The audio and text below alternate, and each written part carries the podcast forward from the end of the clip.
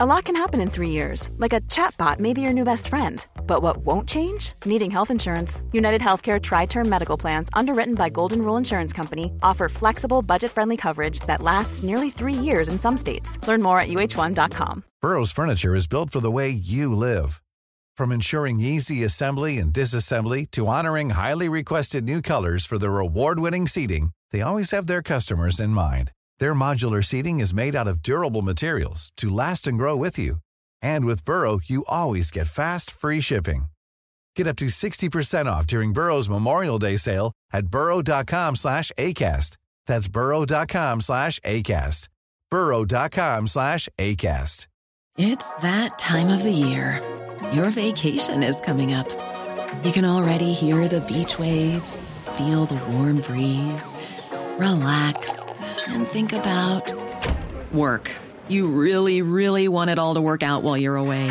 Monday.com gives you and the team that peace of mind. When all work is on one platform and everyone's in sync, things just flow wherever you are.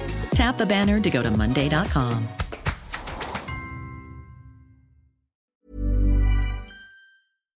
Du lytter til en podcast fra TV2.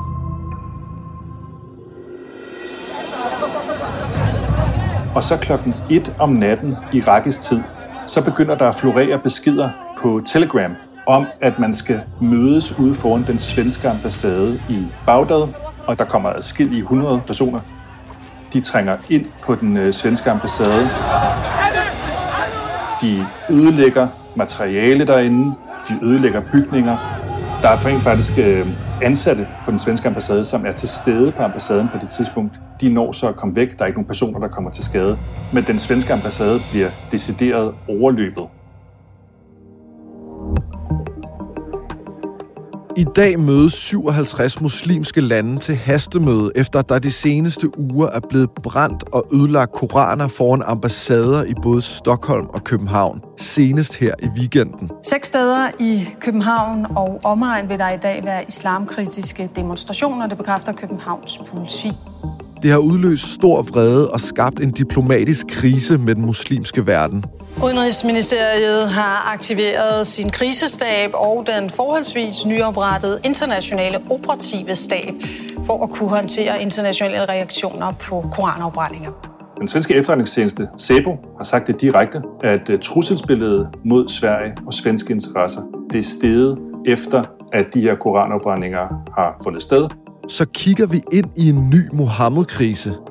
Det er dato i dag, nu tilbage fra sommerferie. Mit navn er Joachim Claus Høj Bindslev.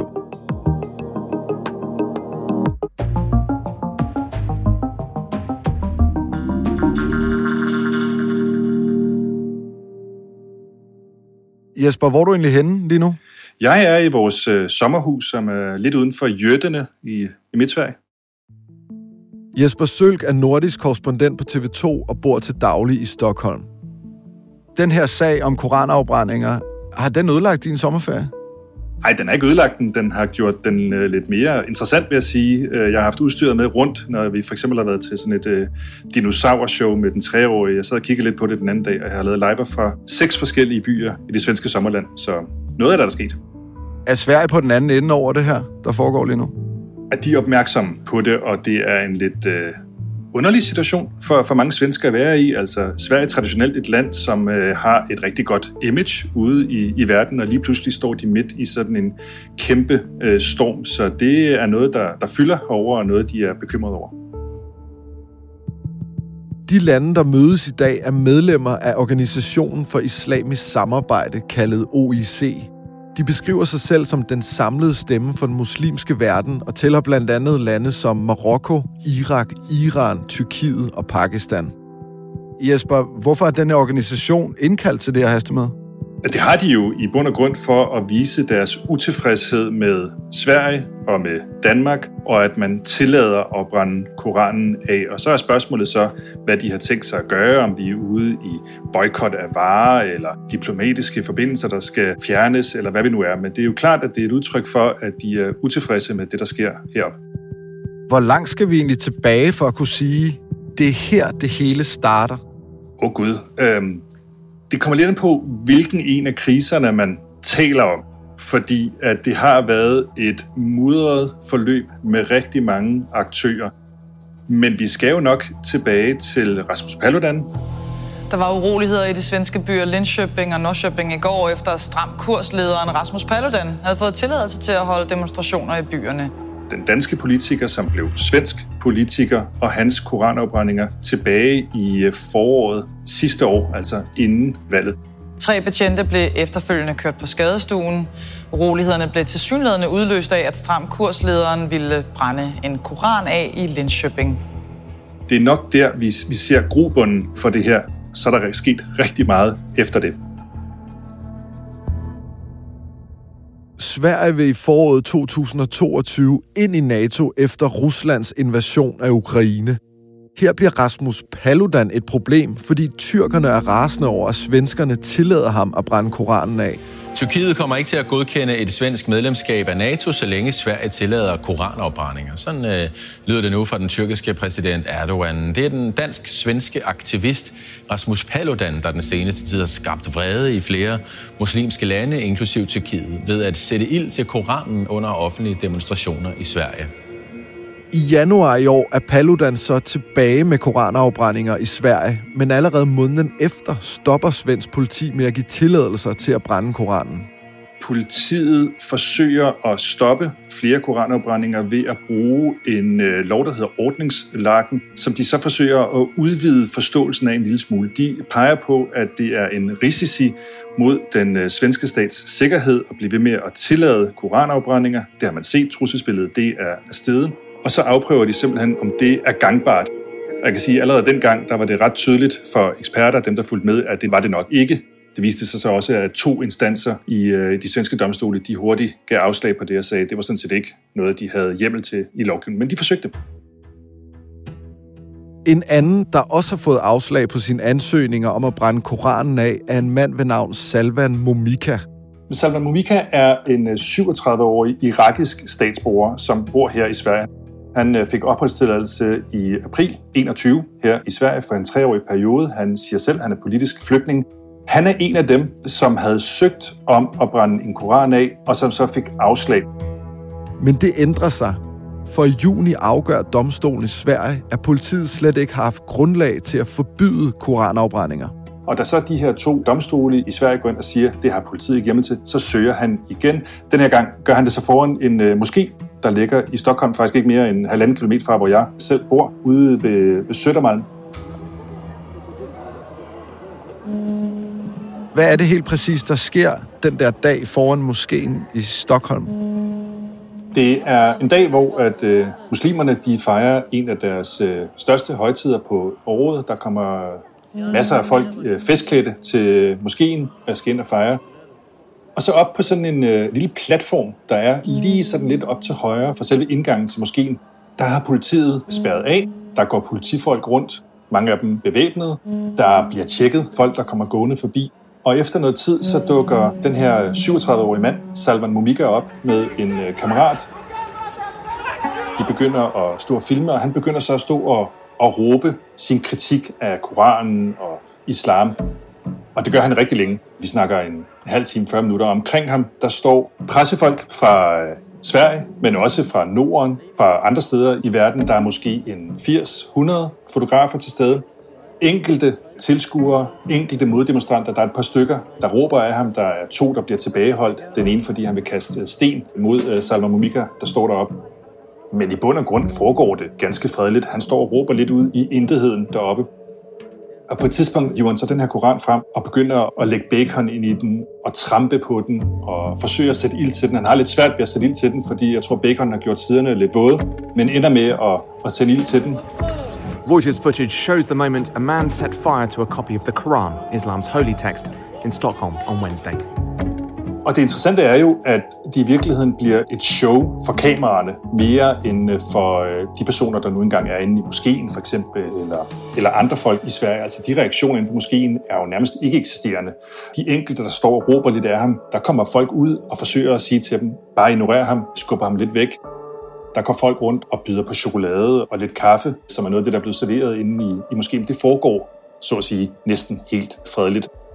Og så på et tidspunkt, så øh, har de forsøgt, de to personer deroppe, at brænde Koranen af længe nok, så afslutter de deres øh, happening her, hvor han siger selv, at han har vist verden, at Koranen er farlig, og den er farlig en atomvåben, og den burde forbydes.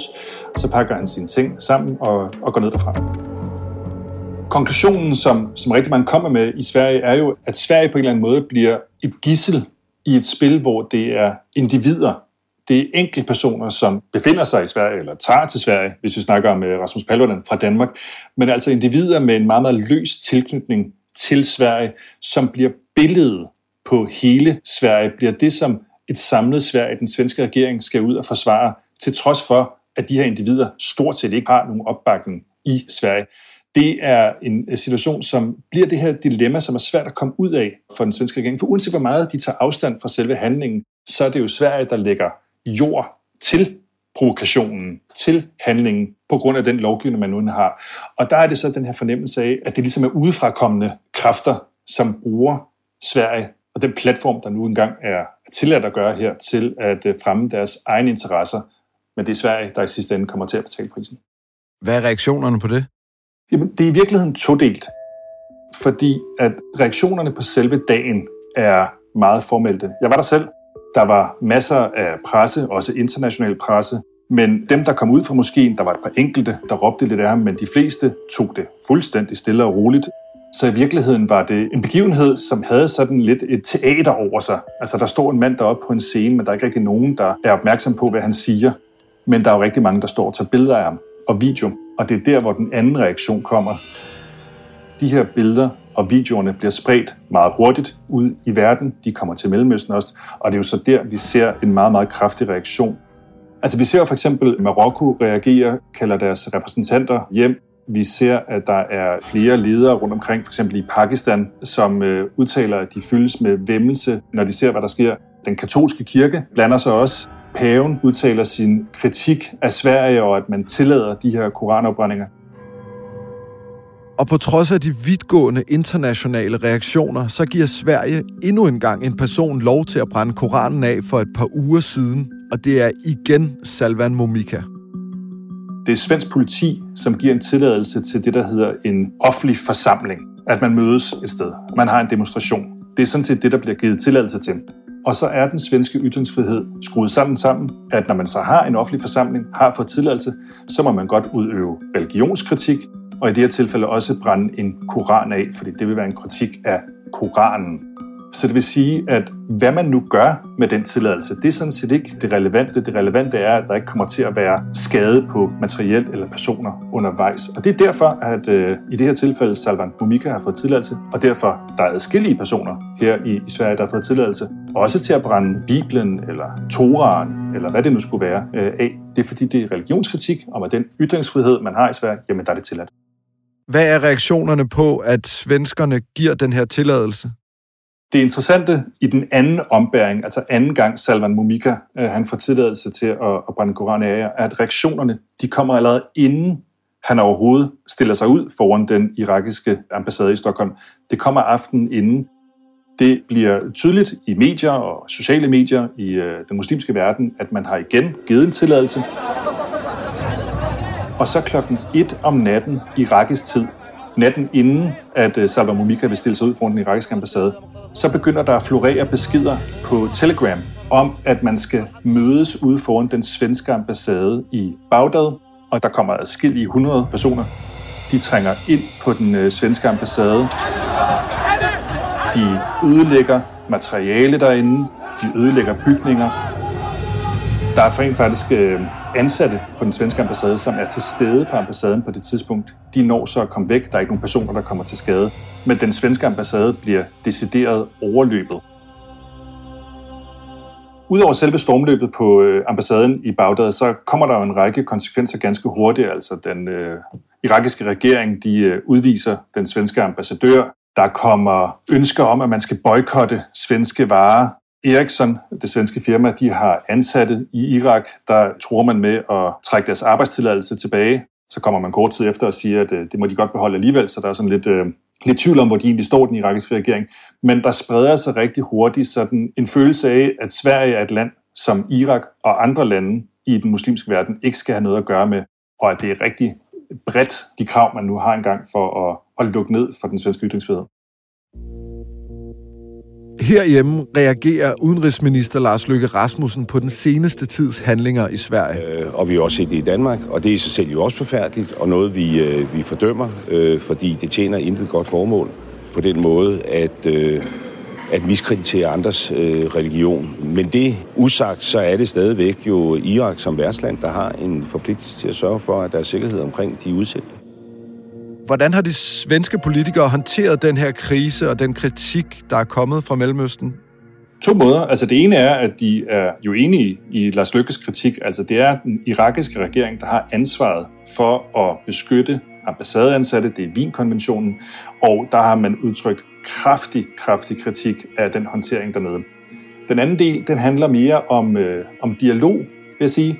Det handler om, at den svenske regering gerne vil stå op for ytringsfriheden, forsvare den ytringsfrihed, man nu engang har, at det er tilladt i, i Sverige at udøve øh, religionskritik, men man prøver også at forklare, øh, at det ikke er den svenske regering, eller den svenske befolkning, eller den svenske politi, for den sags skyld, som står bag koranopbrændingerne. Det er individer i Sverige, som bruger, misbruger, er der nogen, der siger her i Sverige, ytringsfriheden til at komme med deres politiske statement. Og som den svenske regering har sagt igen og igen og igen, vi støtter ikke de her koranopbrændinger, bare fordi noget er lovligt, er det ikke nødvendigvis en god idé. Det, der så bare er ret tydeligt efterhånden, det er, at øh, lige præcis det talepunkt, det er der ikke rigtig mange, der køber i den muslimske verden i, i øjeblikket. De har meget, meget svært ved at komme igennem med det budskab. Det bliver stadig ikke sådan fremstillet, at det er Sverige som helhed, der står, der står bag de her koranopbrændinger. Hvor langt går den svenske regering for at gyde olie på vandene og sørge for, at det her ikke bliver en øh, uh, Mohammed-krise 2.0, sådan som vi så i nullerne, hvor Danmark var hadobjekt nummer et og terrormål helt oppe i toppen? Udgangspunktet for den svenske regering og for Sverige som helhed er jo, at man ikke er i en konflikt med den muslimske verden. Altså der er set fra Sverige ikke en konflikt øh, i øjeblikket. Sverige er ikke det land, som det bliver fremstillet som i øjeblikket i dele af den muslimske verden. Sverige er ikke et islamofobisk land. Irak fordømmer nu koranafbrændinger i både Danmark og Sverige, og det sker efter Koranen angiveligt blev brændt foran den irakiske ambassade i København i går. Pludselig er korankrisen ikke kun svensk, men skandinavisk. Vi ser her billeder fra hændelsen, hvor der også blev trådt på det irakiske flag. Det irakiske udenrigsministerium opfordrer det internationale samfund til at reagere på hændelsen. Hvordan bliver Danmark en del af den her krise? Danmark kommer jo igen, øh, kan man sige, ind i, øh, i den her konflikt, fordi at en gruppering, der hedder De Danske Patrioter, de øh, arrangerer en demonstration i øh, København, og de har et, et banner, øh, for eksempel, hvor der står, nu citerer jeg, øh, fuck islam, og øh, de demonstrerer sig ude foran den irakiske ambassade, og det bliver livestreamet, det her på, på Facebook, og der bliver også vist, at en, øh, en bog, Koranen, bliver øh, brændt af, og øh, det er jo igen øh, ting, der bliver spredt ud i verden. Øh, Reuters, det store internationale nyhedsbureau, dækker det her. Og så øh, ved vi, at så begynder snebolden at, at rulle, og lige pludselig er Danmark også inde i den her fortælling, som Sverige også er, er indrullet i i øjeblikket. Udenrigsminister Lars Løkke Rasmussen har på Twitter taget afstand til gårdsdagens koranafbrænding foran den irakiske ambassade i København. Danmark fordømmer dagens afbrænding af Koranen, som blev udført af meget få individer. Disse provokerende og skamfulde handlinger repræsenterer ikke den danske regerings synspunkter. Appel til alle om at deeskalere. Vold må aldrig være svaret, lød det fra ministeren i et tweet på engelsk fra Udenrigsministeriet. Danske topdiplomater var i går til samtale hos saudiarabiske og egyptiske myndigheder. Det Begge lande havde indkaldt diplomaterne på baggrund af de seneste koranafbrændinger, der har fundet sted i Danmark. I dag mødes den islamiske samarbejdsorganisation OIC så for at diskutere situationen i Danmark og Sverige. Hvad regner man egentlig med, at der kommer ud af det her med? Ja, en fordømmelse af, af Sverige og Danmark. Et øh, krav om, at de skal stoppe at give tilladelser til at brænde øh, en koran af. Det kommer ikke til at ske, men øh, jeg tror godt, vi kan forvente, at det krav kommer. Og så øh, er spørgsmålet om det er også noget, der kommer til at brede sig. Altså om man får et, uh, et samlet boykot af for eksempel svenske varer, at man får en, en samlet idé om, at øh, svenske ambassadører skal sendes ud. Alle de ting er jo potentielt i, i spil, men det vi ved med, med sikkerhed, det er, at der kommer en fordømmelse. Hvilke konsekvenser kan det have, hvis de her koranafbrændinger fortsætter i Danmark og Sverige? Altså, den svenske statsminister Ole Christensen har sagt det direkte. Man kan frygte, at personer vil ty til vold, brutale terrorangreb som en reaktion på det her. Så truslen mod svenske interesser ude i verden, svenske statsborgere ude i verden. Altså, vi ved for eksempel, at øh, SVT, vores kollegaer på, på svensk tv, de har folk i Irak i øjeblikket. De har aftalt ikke at tale svensk sammen, mens de går rundt og, og arbejder, for ikke at risikere at øh, blive opdaget og, og pludseligt angrebet. Så svenske borgere, der befinder sig i, i nogle af de her lande, der er en risici, og så er der selvfølgelig øh, risikoen for, at, øh, at nogen agerer og handler øh, i Sverige, altså et terrorangreb. Og det, øh, det taler man om, er en, en del af det trusselsbillede, som er ved at, at begynde at, at stige mod, mod Sverige. Den svenske efterretningstjeneste, SEBO, har, har sagt det direkte. At Sverige er gået fra, som hun sagde, at være et legitimt attentatmål til at være et prioriteret. At uh, trusselsbilledet mod Sverige og svenske interesser, det er steget efter, at de her koranopbrændinger har fundet sted, og at hvis der kommer flere tilladelser, flere koranopbrændinger, så kan man forvente, at øh, trusselsbilledet vil stige yderligere. Det har de sagt ordret lige til. Det er en øh, konklusion, som, øh, som fylder en del i Sverige, og som, øh, som skaber en, en del bekymring. Hvad betyder det, der sker lige nu for vores ytringsfrihed her i, i Danmark, og for eksempel svenskernes ytringsfrihed? Jamen umiddelbart øh, ikke så frygtelig meget. Der er ikke noget, der tyder på overhovedet, at øh, Sverige er ved at ændre deres øh, grundlov, at man vil undlade at kunne udøve religionskritik. Øh, der er jo en, øh, en diskussion, øh, om man skal gøre det samme, som man gør i Finland. Øh, for eksempel, hvor man har en, øh, en lov om, øh, om trosfred. Det betyder blandt andet, at i, i Finland kan man rent faktisk forbyde øh, koranopbrændinger, men, men en lignende lov har man ikke haft i Sverige siden 1970.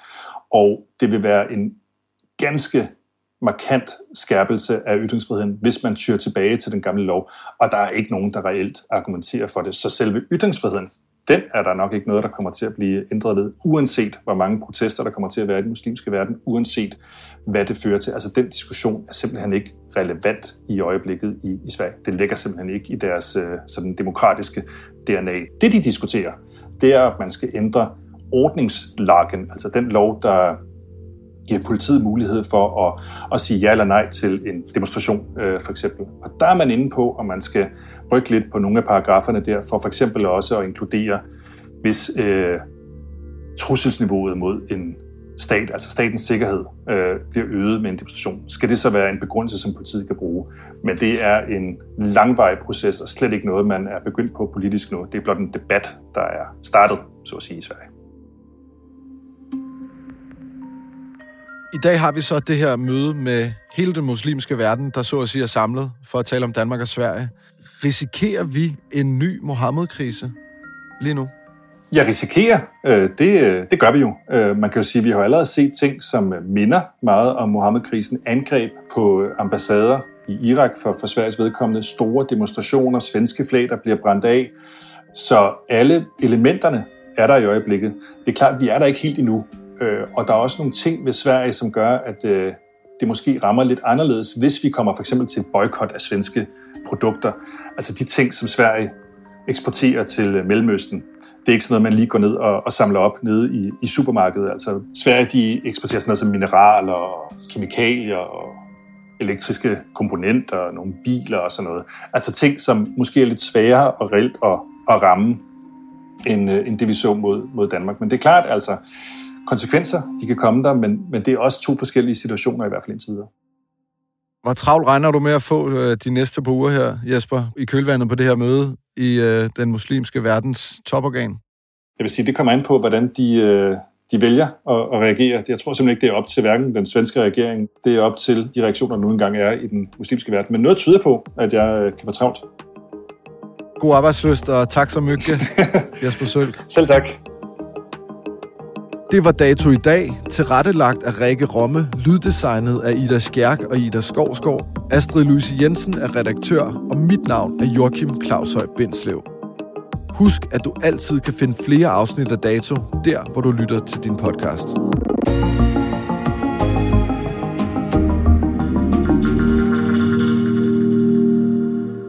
Du har lyttet til en podcast fra TV2.